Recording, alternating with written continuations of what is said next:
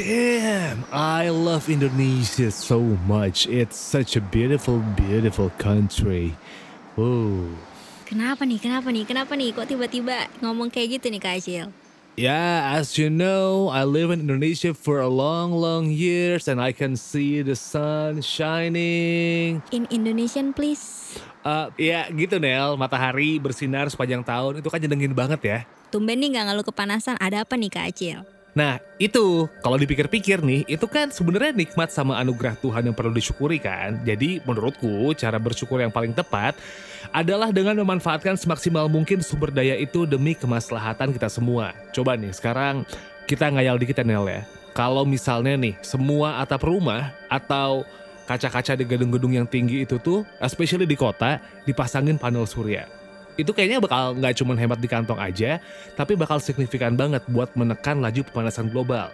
Itu baru dari matahari. Coba deh, tiap daerah gitu ya punya potensi energi terbarukan yang beda-beda. Wih, bayangin lagi, bayangin. Kalau semuanya itu bisa dioptimalin, diwujudin, keren banget tuh pasti. Yeay, kacil for 2024.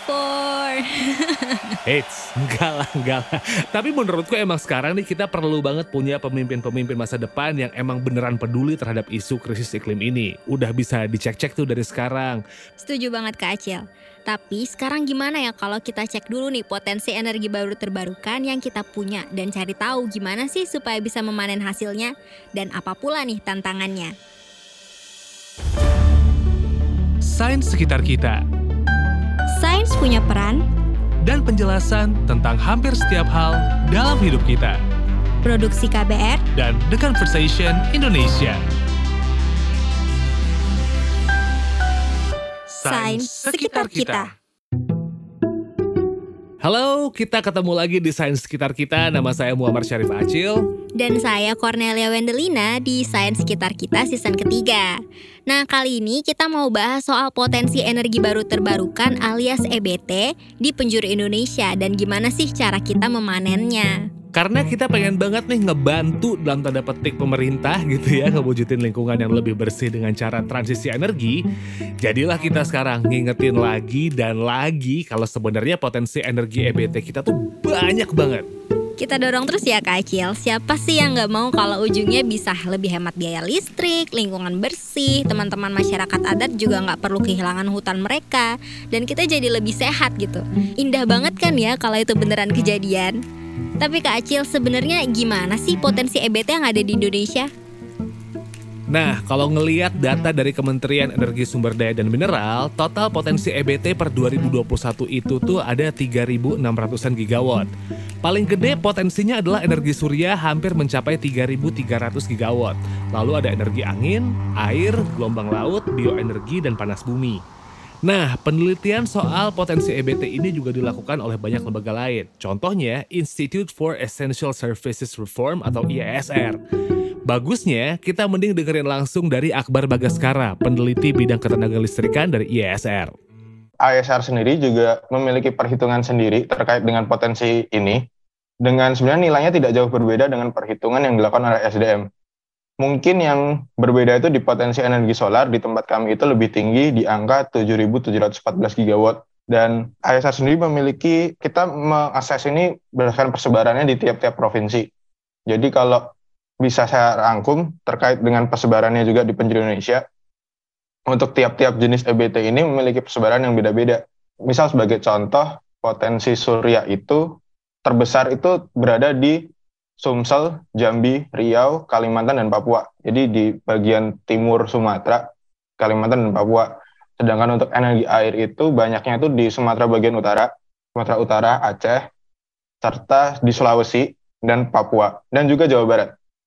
Sedangkan untuk angin itu banyaknya berada di bawah, di daerah Jawa, Nusa Tenggara, Sulawesi bagian selatan, dan juga Maluku. Dan yang terakhir itu biomasa atau bioenergi itu karena itu terkait dengan biasanya hasil perkebunan, jadi potensinya itu paling banyak di daerah yang banyak perkebunannya, yaitu di Sumatera dan juga Kalimantan. Ternyata selisih angka potensi energi surya besar juga ya. Apa ya sebab hasil penelitian IESR berbeda dengan ESDM? Ini terkait dengan metode yang dilakukan. Kalau di IESR sendiri kita melakukan perhitungan berdasarkan dengan data satelit kita melakukan mapping, melihat potensinya dan juga ketersediaan lahannya berdasarkan data satelit tersebut. Sebenarnya menurut saya SDM juga melakukan hal yang sama, mungkin indikator atau parameter yang digunakan itu berbeda. I see. Tapi meskipun angkanya beda, kesimpulannya tetap sama ya. Energi surya tetap juara potensinya sebagai energi terbarukan. Jadi sambil kita ngeluh panas dikit-dikit sama teman di sekitar atau teman di sebelah, kita dorong terus nih supaya sumber yang berlimpah-limpah ini bisa dimanfaatin. Hmm, aku penasaran nih. Sejauh ini pemanfaatannya gimana sih Kak Akbar? Kalau kita lihat cara agregat nasional, dengan potensi total tadi sekitar 3.600-an gigawatt itu, Indonesia sendiri itu potensi yang termanfaatkan tuh masih cukup kecil di angka 10,8 gigawatt. Itu per September 2021 dan mungkin kalau sekarang 2022 2023 mungkin tidak akan jauh berbeda. Sehingga itu akan sangat kecil. Jadi kayak dibandingkan angka 10 11 gigawatt dibandingkan dengan potensi kita yang berada di kisaran 3600-an. Jadi memang masih banyak potensi yang masih bisa kita manfaatkan. Ya memang sih kita nggak bisa memanfaatkan secara langsung panas matahari kecuali buat jemur baju ya nggak. Emang perlu alat untuk mengubah panas matahari tadi jadi energi listrik. Nggak hanya untuk mengolah energi surya, ini berlaku juga untuk air dan sebagainya. Aku paham sih ini memang perlu waktu dan juga biaya. Tapi sebetulnya kayak apa ya tantangannya? Untuk hydro dan geothermal, itu tantangannya adalah mereka ini site spesifik. Biasanya itu berada di daerah yang jauh dari kota atau jauh dari beban listriknya sehingga sehingga butuh eksplorasi lebih lanjut. Dan itu mengakibatkan waktu pembangunannya cukup lama. Kisaran bisa sampai 7 sampai 10 tahun jika apa waktu pembangunan hydro geothermal ini. Sehingga kalau misal mau kita tarik untuk target terdekat gitu mungkin pembangunan hydro geothermal akan cukup tidak visible sih. Dan kalau untuk energi lain, misal angin dan surya, kita nyebutnya variable renewable energy atau VRE, di mana kita itu tidak bisa mengkontrol keluaran energi yang dihasilkan dari jenis pembangkit ini, karena mereka sangat bergantung pada faktor alam dan ketidakstabilan keluarannya itu tuh bisa mengganggu kestabilan di jaringan listrik. Terus untuk mungkin untuk biomasa kendalanya sendiri ada di bahan bakar biomasa ini karena tergantung dengan hasil hasil perkebunan atau hasil hasil alam di daerah tersebut dan biasanya membutuhkan jumlah yang banyak dan itu akan menjadi kendala di pembangunan biomasa ini. Akan tapi kalau misal secara umum kendalanya sendiri itu adalah persebaran energi baru terbarukan ini itu tidak merata. Hanya di beberapa wilayah tertentu. Sebenarnya di semua wilayah ada tapi yang tadi saya sebutkan itu yang memiliki potensi paling besar. Kalau yang saya sebutkan tadi itu paling banyak misal di Papua di Sumatera begitu. Sedangkan beban listrik terbesar Indonesia itu ada di Jawa gitu. Sehingga itu menjadi tantangan bagaimana sumber yang jauh itu yang potensinya besar itu bisa dimanfaatkan untuk Jawa. Mungkin itu yang menjadi tantangannya sih ada aneka rupa tantangan nih, mulai dari masalah lahan, geografi, dan juga faktor alam. Sehingga ya memang butuh waktu. Tapi nggak ada ya jalan ninja untuk memanfaatkan EBT. Yang paling gampang instalasinya nih menurutku ya, energi surya deh. Masyarakat tuh bisa memasang panel surya sendiri di atap rumah mereka masing-masing. Aku aja pengen tau Nel. Emang sih kak, ini keren banget. Kita bisa produksi dan juga konsumsi listrik sendiri di atap rumah kita masing-masing. Aku mau banget sih ini. Iya nih, aku juga lagi nungguin implementasi regulasi soal PLTS atap nih. Maret kemarin kabarnya segera disahkan, nanti coba dicek-cek lagi deh. Oh, yang revisi Permen ESDM nomor 26 tahun 2021 itu ya kak? Aku baca-baca nih, kabarnya bakal membebaskan konsumen dari batasan kapasitas instalasi. Dulu kan sempat rame tuh, karena PLTS atap dibatasi hanya boleh pasang 15% aja dari kapasitas listrik yang terpasang. Jadi nggak signifikan gitu kalau cuma segitu aja. Nah, Kak Akbar mungkin bisa jelasin nih, ribet nggak sih pemasangan PLTS atap? Untuk pemasangan sendiri bisa memilih dua jalur. Yang pertama itu mengurus sendiri, jadi dan harus mengikuti beberapa langkah. Dan langkahnya itu pertama itu harus datang ke PLN wilayah setempat untuk mengajukan permohonan, terus nanti PLN yang akan melakukan evaluasi dan verifikasi terhadap permohonan tersebut. Terus kalau surat izinnya sudah keluar, PLTS atapnya boleh dipasang, terus harus mengurus sertifikat layak operasi dan sertifikat tersebut disampaikan kembali ke PLN sehingga PLTS atap ini bisa terkoneksi ke jaringan gitu. Dan cara yang kedua adalah cara yang mungkin lebih simpel. Jadi pemasang ini menunjuk atau memakai jasa vendor atau EPC yang mana intinya pemasang ini akan terima beres jadi akan diurus oleh vendor atau EPC ini. Dan mungkin yang jadi perlu catatan adalah pencarian vendor atau EPC ini masyarakat belum cukup aware gitu bagaimana memilih vendor yang tepat dan atau ini harus ngubungin ke mana sih gitu. Dan terkait dengan poin terakhir tersebut, IASA sendiri memiliki inisiatif platform, masih web-based platform, namanya solarhub.id, di mana di platform tersebut tuh bisa menghubungkan calon pengguna dengan penyedia jasa tersebut, si vendor atau EPC tersebut. Jadi di web kita itu ada direktori EPC, direktori EPC di daerah pemasang gitu. Nah, direktorinya jadi entar harus menghubungi ke mana, dan juga bisa melakukan perhitungan membantu calon pemasang itu mengetahui potensi PLTS atap di rumah atau bangunannya tersebut bisa dihitung dan juga ada kalkulatornya sehingga bisa melakukan perhitungan kasar terkait dengan biaya investasi yang diperlukan terus ntar kira-kira balik modalnya kapan di platform kita tersebut. Kalau misalnya nih aku mau masang PLTS tuh ya, udah jelas aku bakal cari vendor mana yang bisa membantu aku dengan harga yang paling masuk akal ya kan. Jadi duduk, eh ngelihat, wah udah beres semuanya. That's what I did. nah, Terima beres aja ya kak. Ya eh. Memang sih segala urusan itu udah dipermudah ya Kak Acil. Sampai IESR juga punya platform solarhub.id tadi untuk membantu mereka yang berminat memasang PLTS atap sampai ke biaya yang juga dihitungin loh.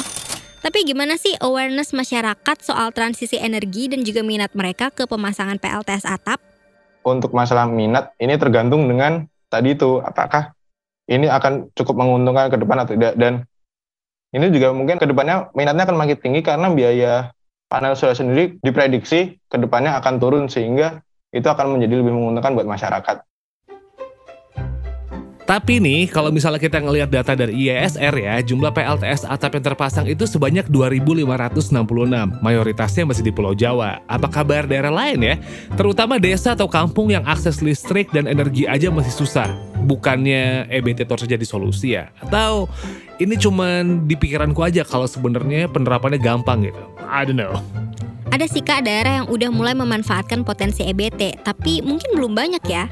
Misalnya nih, aku pernah baca di Desa Bondan di Cilacap. Ini tuh salah satu dari banyaknya desa yang tidak mendapatkan listrik karena lokasinya itu dekat lautan gitu. Tapi karena potensi EBT yang besar banget nih, dibangun teknologi namanya Hybrid Energy One Pole atau HEOP, sebuah teknologi listrik yang menggabungkan energi angin dan juga surya. Hal serupa juga bisa kita lihat nih di Kampung Merabu di Kalimantan Timur ya Kak Cil. Mereka itu punya perusahaan listrik sendiri dari energi surya dengan kapasitas 300 kW peak. Itu tuh setara pasokan listrik untuk 20 tahun loh bagi kampung itu. Kan banyak banget tuh. Lumayan lah aktivitas warga kampung jadi lebih mudah karena akses listriknya lebih terjangkau.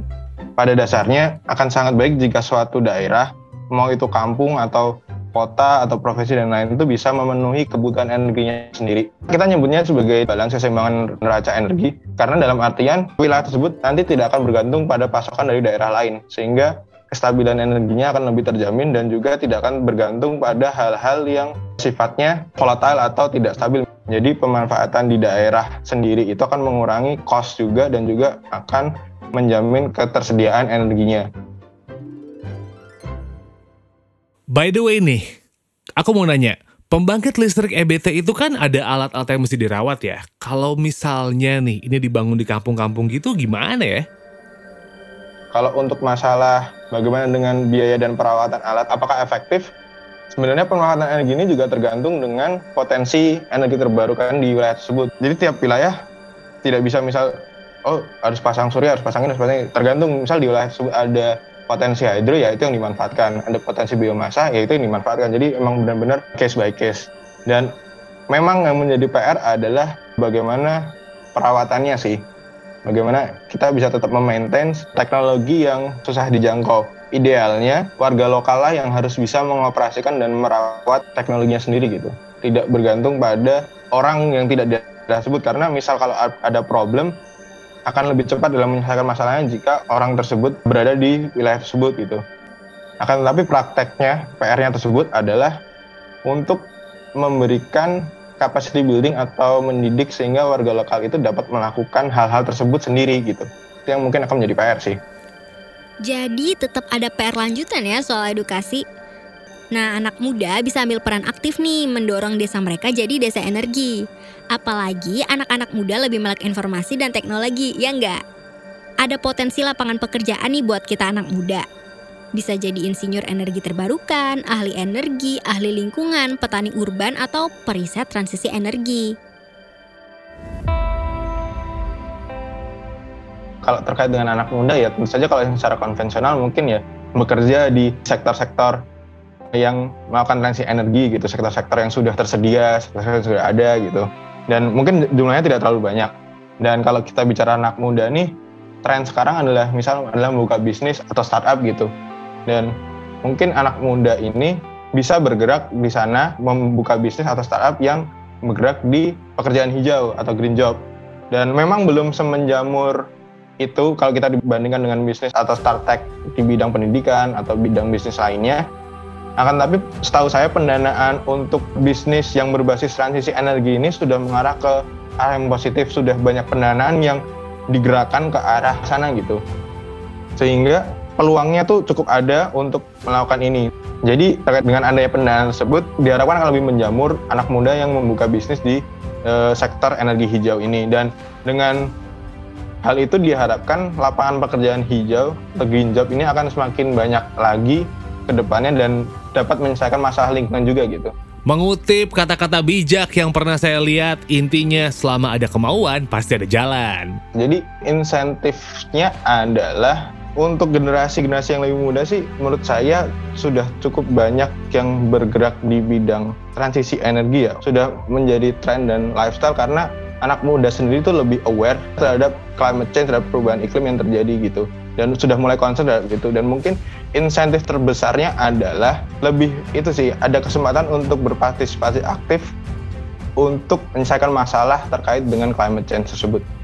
Kita ketemu lagi di episode berikutnya Sains Sekitar Kita. Tunggu infonya ya di akun Instagram KBR Prime dan kbr.id. Saya Cornelia Wendelina. Dan saya Muhammad Syarif Acil, thank you banget udah dengerin ya. Kami pengen banget loh dengerin saran dan juga komentar kamu, jadi sampaikan aja langsung melalui podcast at kbrprime.id. Bye! Bye. Sains sekitar kita.